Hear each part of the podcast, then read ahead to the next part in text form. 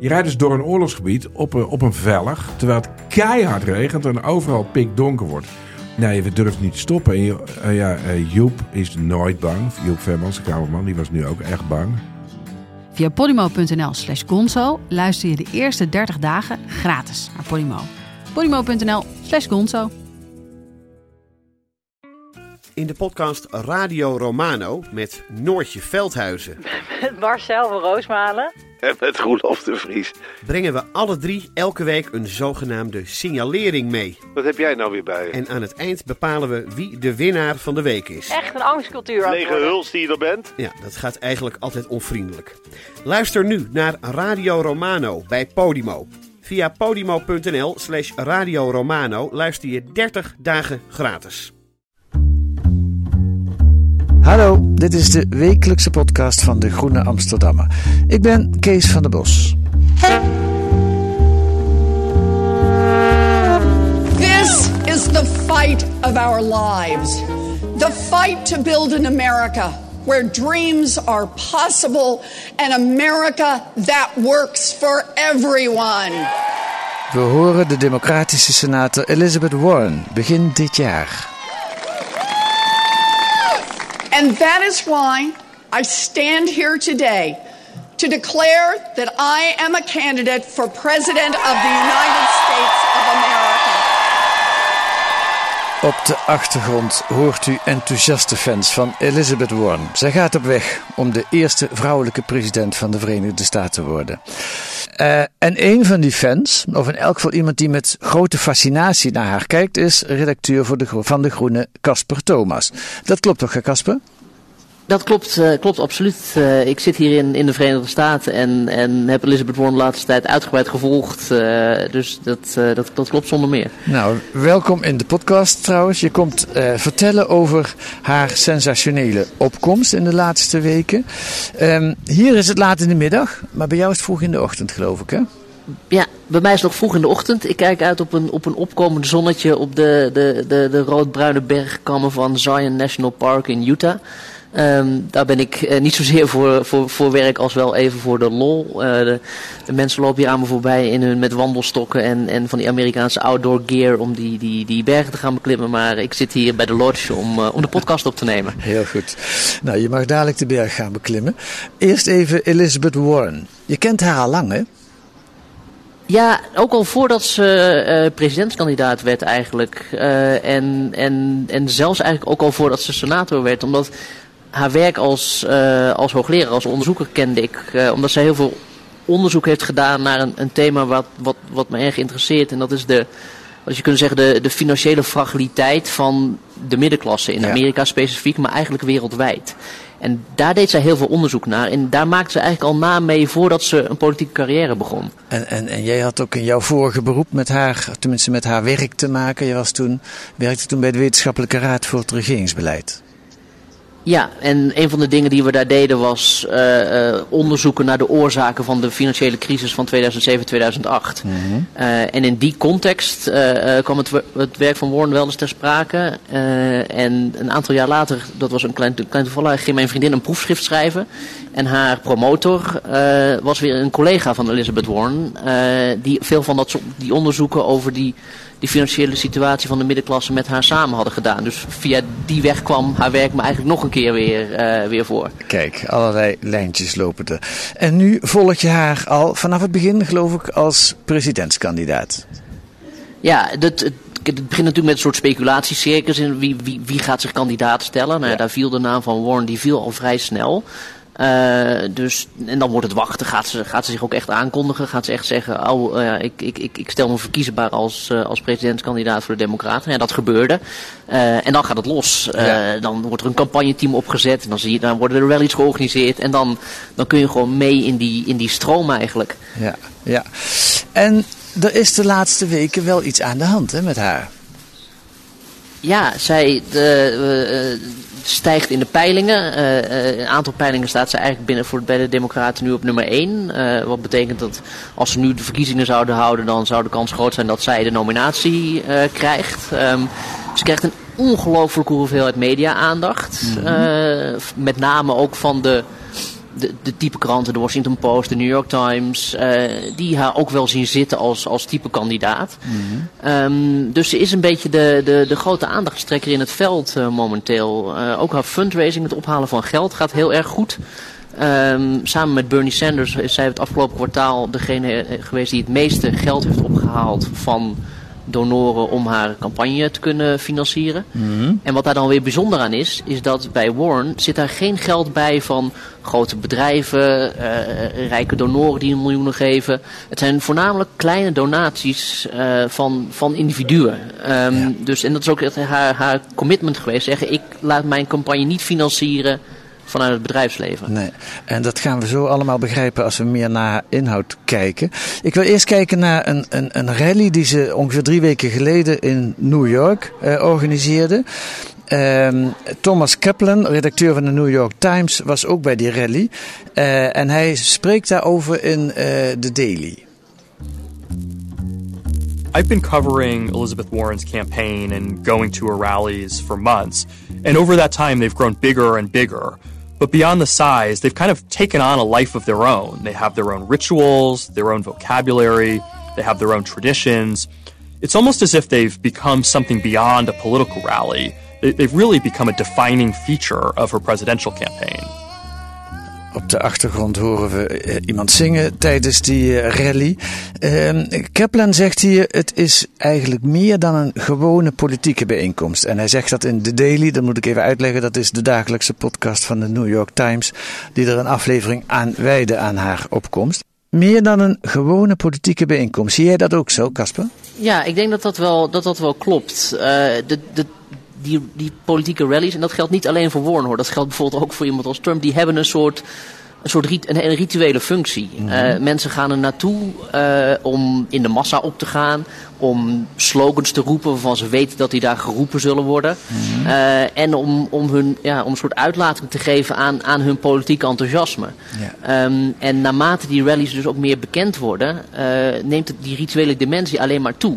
Want mensen, het, het, script wordt bekender. Mensen weten wanneer Warren wat gaat zeggen. En wanneer mensen uh, uh, gaan roepen two cents. Verwijzend naar de, de, de, de 2% belasting die ze op vermogen wil instellen. Dus er zit, het heeft bijna iets van een soort politieke kerkgang zou je kunnen noemen. En het is fascinerend om erin te staan. Ja, is zelfs een soort echt kerkmomentje, begrijp ik. Want op een gegeven moment zegt een van de voorsprekers, voordat Elizabeth Warren op het podium komt, uh, nu moeten jullie allemaal even één minuut met elkaar praten. Dan moet je, moet je met de buurman uh, even contact maken. Dat heb ik in een katholieke kerk ook wel eens meegemaakt.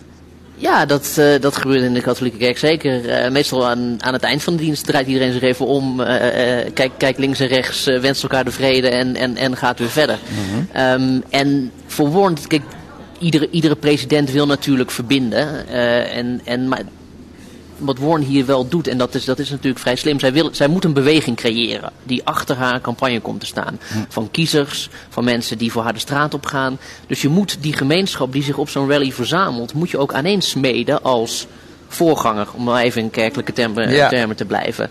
En dat is wat, wat op zo'n manier dus ook doet. Ja, ja, je hebt ook met je buurman gepraat toen je daar stond? Ja, nou, en, en, ik, ben daar, ik sta altijd in. Ik, begin altijd in het persvak, want daar kom je binnen. Want dan uh, hoef je niet in de rij te staan. En dan kun je iedereen bij de rally ook zien binnenkomen. Maar na een, minuut of tien in het persvak ga ik altijd gewoon de, uh, de groep in de massa in. En dan praat ik met zoveel mogelijk buurmannen en buurvrouwen. Uh, omdat ik van die mensen wil weten waarom ze naar die rally gekomen zijn. En of ze enthousiast zijn ja. over Warren. Of dat ze ook over andere kandidaten nadenken. Dus ja. uh, de, ik, ik, ik doe dat heel veel. De hoofdact op zo'n rally is natuurlijk de speech van Elizabeth Warren zelf. Laten we even naar een stukje uit die speech luisteren. Americans are killed by floods and fires in a rapidly warming planet. Why? Because huge fossil fuel corporations have bought off our government. Americans are killed with unthinkable speed and efficiency in our streets and our stores and our schools. Why? Because the gun industry has bought off our government. Amerikaanse politiek, het landsbestuur is corrupt, zegt Warren eigenlijk zonder dat woord te noemen. Het luistert naar grote bedrijven en hun lobby's. Is dat de kern van haar betoog? Ja, als, er één centrale premisse is aan te wijzen in de boodschap van Warren, is dat politiek eigenlijk niet meer politiek is, omdat welke beslissing er ook genomen wordt, welke keuze er ook genomen wordt.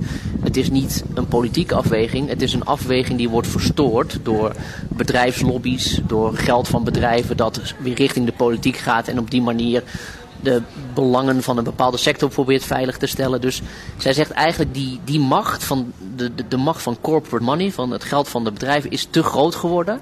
En daarom gebeuren bepaalde dingen niet die politiek eigenlijk wel zouden moeten gebeuren. Zoals een, een schone milieu, zoals het uh, aan banden leggen van, uh, van wapenbezit. Ja. En overigens gebruikt zij de term corrupt, uh, heb ik daar, daar wel degelijk horen gebruiken. Zij zegt okay. ook gewoon, this is corruption pure and simple. Aha. Dus dat is een hele, dat is zeker, dat, zij presenteert zich als de, de, de beetje de buitenstaander die de corruptie in, in Washington uh, aanwijst en zal gaan bestrijden. Nou ja, dat is een, een refrein dat we natuurlijk wel een beetje kennen inmiddels. Ja. Uh, uh, maar zij komt er vanuit een iets andere politieke hoek mee aanzetten. Vat ze dat ook samen in een, in een slogan? Ik denk dan bijvoorbeeld aan Make America Fair Again. Ja, dat, dat, dat, haar slogans zijn niet zozeer. Uh, ze, heeft, ze heeft niet, dat is wel grappig. Ze heeft niet een slogan die letterlijk over Amerika gaat. Okay. Uh, um, ze heeft een aantal slogans. Uh, maar die, en die campagne is ook nog vrij jong. Hè. Ze, is nog, ze is nog maar een, uh, een presidentskandidaat in een heel breed veld. Dat, mm. dat moeten we wel begrijpen. Mm. Um, Um, ze heeft een hele mooie slogan die over haarzelf gaat. Uh, she persisted. Uh, zij hield vol. Uh, dat slaat is een, dat op? Ja?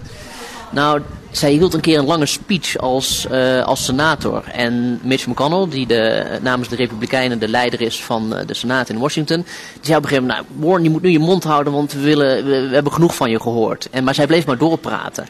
En toen uh, achteraf zei McConnell in de camera van ja, die Warren, uh, ze bleef maar praten. She persisted. En Warren heeft dat eigenlijk genomen en omgedraaid en dat tot haar, haar motto gemaakt. Ah. Um, nevertheless, she persisted. Dat is een, een van haar slogans. Een andere slogan is, die, is, die gaat over de, de, de two cents. Ja. En dat wordt een groep op die rally. Two cents, two cents. Ja, dat hoor je um, alle mensen roepen. Wat, wat, wat roepen ze dan en wat bedoelen ze daarmee? Nou, dat is een verwijzing naar Warren's uh, financiële plaatje dat bij haar plannen hoort. Zij zegt, wat ik wil in Amerika kost geld, uiteraard. Mm -hmm. En dat ga ik ophalen door vermogens boven de 50 miljoen dollar. En dan moet je begrijpen, dat zijn er 75.000 in heel Amerika. Mm -hmm. Iedere dollar boven die 50 miljoen, lever daar nou 2 cent op in. Daarmee haal ik genoeg geld op voor gezondheidszorg, onderwijs, het kwijtschelden van, kwijtschelden van studieschulden. En dat is, dat is eigenlijk alles wat ik nodig heb. Dus dat is niet eens zo heel ingrijpend als je erover nadenkt. 75.000 gezinnen, 95, uh, eh, en dan boven de 50 miljoen. Dus ja. ik maak ook al een grapje van... jongens, iedereen hier in het publiek die minder dan 50 miljoen heeft... hoeft zich geen zorgen te maken. uh, en dan lacht iedereen. Ja. En, uh, en, en, en zo is het ook. Dus het is een hele simpele wealth tax. En, maar maar dat, is, dat, dat, is al, dat zou voor Amerika dus al heel wat zijn. Ja. Ja. Plaats haar eens in de Nederlandse politieke verhoudingen. Bij welke politieke partij zou ze hier horen? Ja, dat is, ik heb daar veel over nagedacht. En, en het, het is moeilijk om maar één op één bij een partij onder te brengen. Er zit een. Nou, er zit een links van het midden, dat is duidelijk. -hmm. um, ze heeft sterk aandacht voor een, uh, een, een, sociaal vangnet, uh, uh, betaalbare publieke voorzieningen zoals onderwijs en gezondheidszorg. Dus iedere, iedere partij in Nederland die daarvoor voor staat, die, die zit op de lijn Warren. Mm -hmm. tegelijkertijd moet je wel begrijpen, is ze ook echt iemand die uh, wel het vrije marktkapitalisme uh, aanhangt. En ze ja. wil alleen de markt, de marktprocessen inbedden in een structuur. Ja. In regels, in afspraken en in dingen die gewoon wel en niet mogen. Ja, ja. Um, er zit een sociaal-democratisch element aan, zou je kunnen zeggen. Dat, dat, dat, dat zeker wel. Een beetje PvdA-achtig, zoals de PvdA vroeger was misschien. Ja, en, maar de PvdA heeft op een gegeven moment ook wel die beweging richting dat marktdenken gemaakt. Dus, mm -hmm. uh, dat, dus, dus dat, dat element moet er wel echt altijd bij. Ja. ja. Ze is geen Bernie Sanders. De, de, de, de, die is ook weer kandidaat, hè? die vier jaar geleden verrassend hoog uh, scoorde met zijn kandidatuur. dat lijkt mij, die twee zijn concurrenten van elkaar. Die zitten een beetje in dezelfde vijver te vissen. Ja, die vissen, vissen absoluut in dezelfde vijver. En op een bepaalde manier als je hun, hun beide uh, achterbannen uh, nu bij elkaar op zou tellen, zou dat by far de grootste uh, politieke vleugel binnen de Democratische Partij zijn. Maar zij mm. verdelen die hele progressieve stem enigszins onderling. Mm. Um, en, maar er zijn ook verschillen. Um, met, en dan kom ik weer op dat punt. Kijk, Warren zegt: I'm a capitalist to the bones, pure and simple. Dus dat is echt haar, haar overtuiging. Ja. En, en Sanders credo is uh, democratisch socialisme. Um, als je dan gaat kijken naar de specificiteit van de plannen, dan is er meer overlap dan verschil tussen de twee. Dus in die zin kun je als kiezer kun je echt allebei de kant op. Maar, dat, maar in, die, in die retoriek, in hoe je je zeg maar ideologisch neerzet, ja. uh, dat verschil is heel belangrijk tussen die twee. Ja. Ja. Warren profileert zich gematigder. Ja, Warren is niet iemand die oproept tot revolutie. Uh, dat, is, dat is Bernie's kreet. Als hij het podium opgaat, is, het, is zijn eerste ding. Ik was, ik was laatst bij een Bernie rally ook. En hij komt op en het eerste wat hij zegt is... Are you ready for a revolution? Ja. Dat, is, dat, dat is niet dat... Warren begint, begint, bouwt rustiger op als het ware. Die, die, die, die begint niet meteen met een grote greep.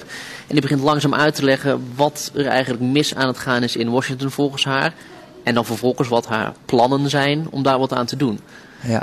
Het is ook een, eh, een hele keurige, frelle mevrouw van 70 jaar. Ze, ze jaagt weinig mensen schrik aan, denk ik, met haar verschijning. Ja, al jaagt de, de, de mondige vrouw die het podium neemt en, en, en zegt hoe het zit, een bepaald deel van de wereld altijd schrik aan. Uh, Een bepaald mannelijk deel van de wereld. En dat, dat zie je ook. Dat,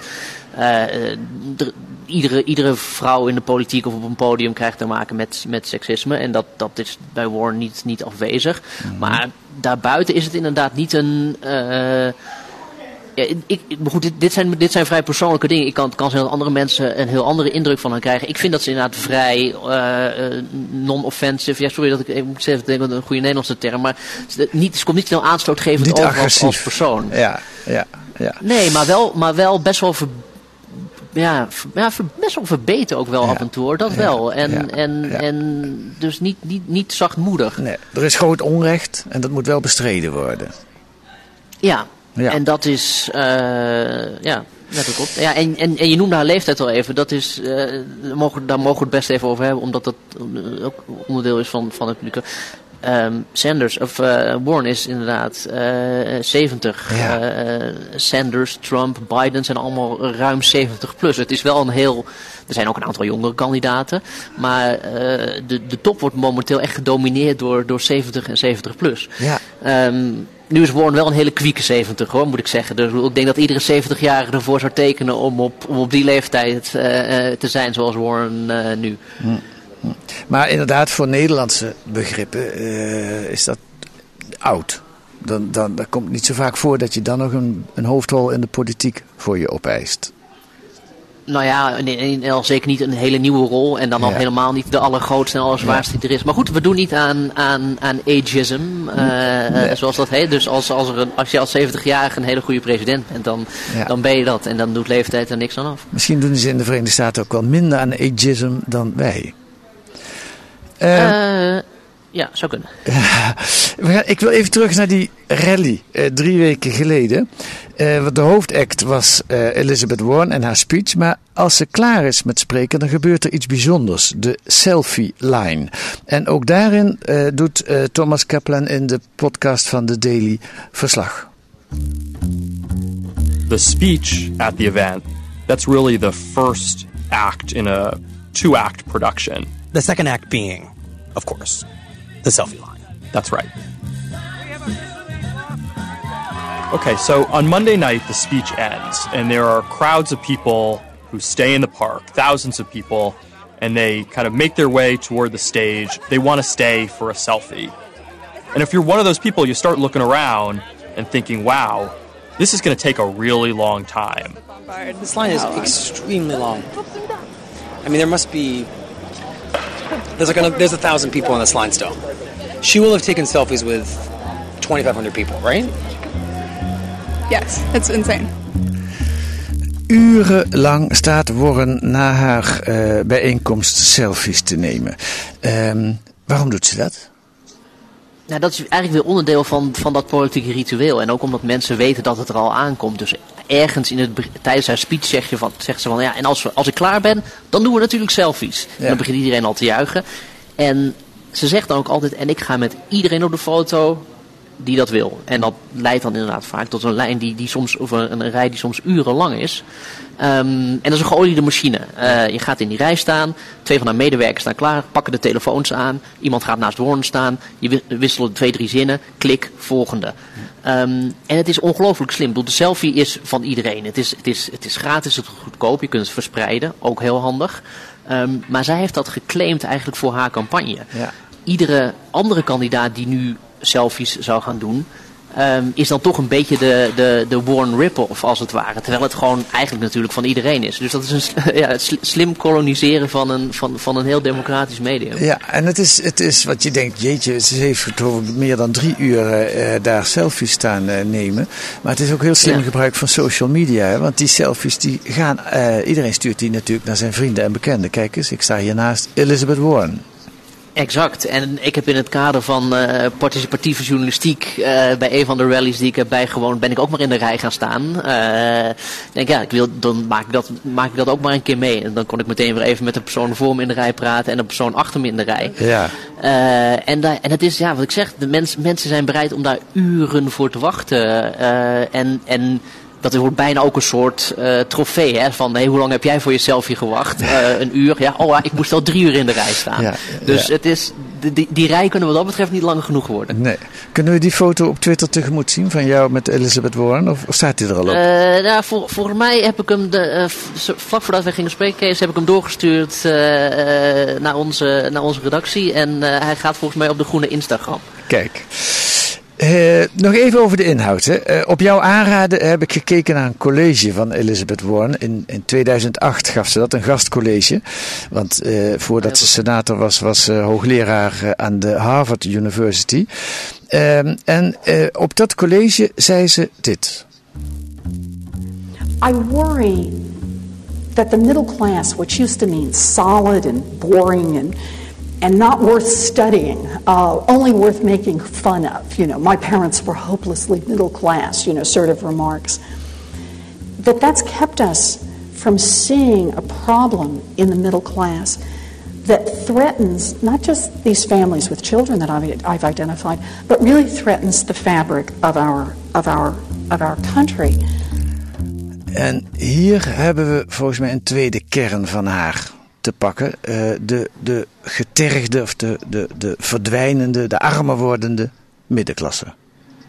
Ja, ja het, het, het is grappig. Ik, ik, ik kende dit fragment niet. En dit is een college. Dit heeft ze gehouden op het moment dat ze uh, op, op geen enkele manier, uh, misschien wel in een hoofd of wat dan ook, of in een kleine kring, maar bezig was met politiek. Het is elf jaar geleden. Um, maar, ja.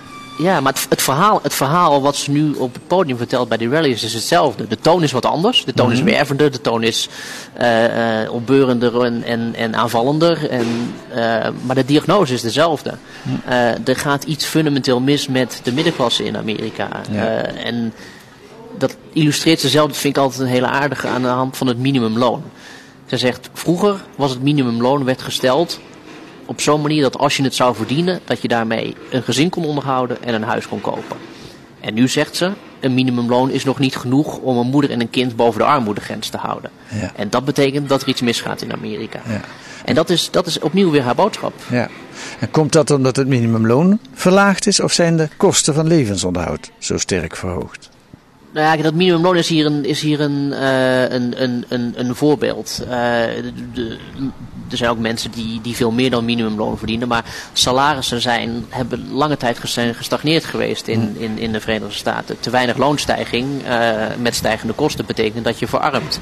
Uh, kosten voor gezondheidszorg uh, zijn enorm gestegen. Kosten voor onderwijs zijn gigantisch gestegen. Ja. Um, dus de middenklasse, waar Elizabeth Warren zelf ook uitkomt, uit een, uit een vrij doorsnee burgerlijk, zij zei het zelf ook al in, in dat fragment, middenklasse gezin. Um, had vroeger met één baan van en één verdiener genoeg. Uh, en nu kom je er zelfs met, met twee redelijk verdieners, kom je, er, kom je er eigenlijk net niet aan. Daar heeft ze ook een boek over geschreven, dat heet The Two Income Trap. Uh, zelfs met twee inkomens uh, zit je soms nog gevangen in Amerika. Ja, ja, ja. Um, Oké, we gaan het volgen. Bernie Sanders hebben we het al over gehad. Maar dan is het natuurlijk ook nog de grote blonde man in het Witte Huis. Die een aanval onder de gordel niet schuwt. En daar is ook nog een dingetje tussen haar uh, en Trump. Uh, die noemt haar Pocahontas. Omdat ze ooit gezegd heeft dat ze Indiaans bloed heeft. But a man who really has done a fantastic job. He campaigned so hard. And this was a star right from the fields of the great Pocahontas, who's now lying and cheating her way to the presidency if possible. She's trying to win, remember? She defrauded people with her credentials. She said she was Indian. And I said that I have more Indian blood than she does, and I have none. I'm sorry. Ja, dat was uh, in zoverre pijnlijk voor Warren dat ze uh, op uitdaging van Trump, ik weet niet of het alleen daarom was, een, een DNA, een DNA-test heeft gedaan. En die bleek van uh, India's, Indiaans bloed bleek eigenlijk niet te kloppen, nauwelijks te kloppen. waarom heeft ze daarover gejokt? Ja, dat is wat ingewikkeld. Waarom ze erover gejokt heeft, is weet ik ook niet precies. Kijk, ze heeft dat gezegd uh, of geclaimd op een formulier uh, uh, in het kader van haar, haar, haar universitaire loopbaan. en dat had te maken met, met scholarships die je kon krijgen. En lang dat geleden was een verhaal uit, Ja, behoorlijk lang geleden. Ja. En het was een verhaal uit familie. ergens een, een, een, een, een overgrootvader zou Native American geweest zijn. En dat was een familieverhaal. Dus zij heeft dat gewoon ingevuld. Um, en zodra iemand zich kandidaat stelt, uh, wordt ieder, iemand volledige doopcel natuurlijk gelicht. En ja. dan wordt gecheckt of alles wel klopt. Nou, dit bleek dus, uh, Trump heeft uitgedaagd, nou neem die DNA-test dan, dan kunnen we kijken of het klopt. Uh, Warren heeft dat gedaan, het bleek niet te kloppen. Hij heeft gezegd, ja sorry, dat was een vergissing. Hm. ja, dan, dat is een kras op je, op je, op je imago. Ja. Um, wat wel geestig is, is dat Trump heeft gezegd, dat heeft, als jij die test neemt, dan uh, geef ik een miljoen dollar aan een goede doel van jouw keuze. Uh, maar die kant van, van de afspraak is nog niet nagekomen. Aha, dus, dus dat kan mocht er een moment komen waarop Trump en, en Warren tegenover elkaar komen te staan en Trump zegt, nou, uh, Pocahontas met je, uh, met, je, met je nep afkomst, dan zal Warren waarschijnlijk zeggen, lying and cheating to the top, lying and cheating, waar blijft die, waar blijft die miljoen voor dat goede doel dat je beloofd had? Zo is dat. Um, dankjewel, Casper. Graag gedaan. Casper Thomas, redacteur van De Groene. Deze week schrijft hij uitgebreid over Elizabeth Warren in De Groene Amsterdammer. Verder een onderzoek van Investico naar gameverslaving. De spellen worden steeds verslavender gemaakt en de afkikcentra stromen vol. En een reportage uit het Groningse dorp Overschild. Heb ik er nooit van gehoord. Overschild. Dat ligt bovenop een gasbel, zoals wel meer dorpen in Groningen. En daar zijn twee zones in dat dorp. In de ene zone krijg je een nieuw huis en in de andere krijg je niks. Als je weten hoe dat komt, lees De Groene van deze week. Dat kan ook met een proefabonnement. Ga naar groene.nl, dan wordt je uitgelegd hoe je daar aankomt. Volgende week zijn wij er weer met analyses en achtergronden bij het nieuws in deze podcast van de Groene Amsterdammer. Vergeet niet om ons sterren te geven in de podcast-app. Deze week werd de Groene Podcast gemaakt door Marike Rotman en Kees van der Bos. En de muziek is A Tune for N van Paul van Kemenade.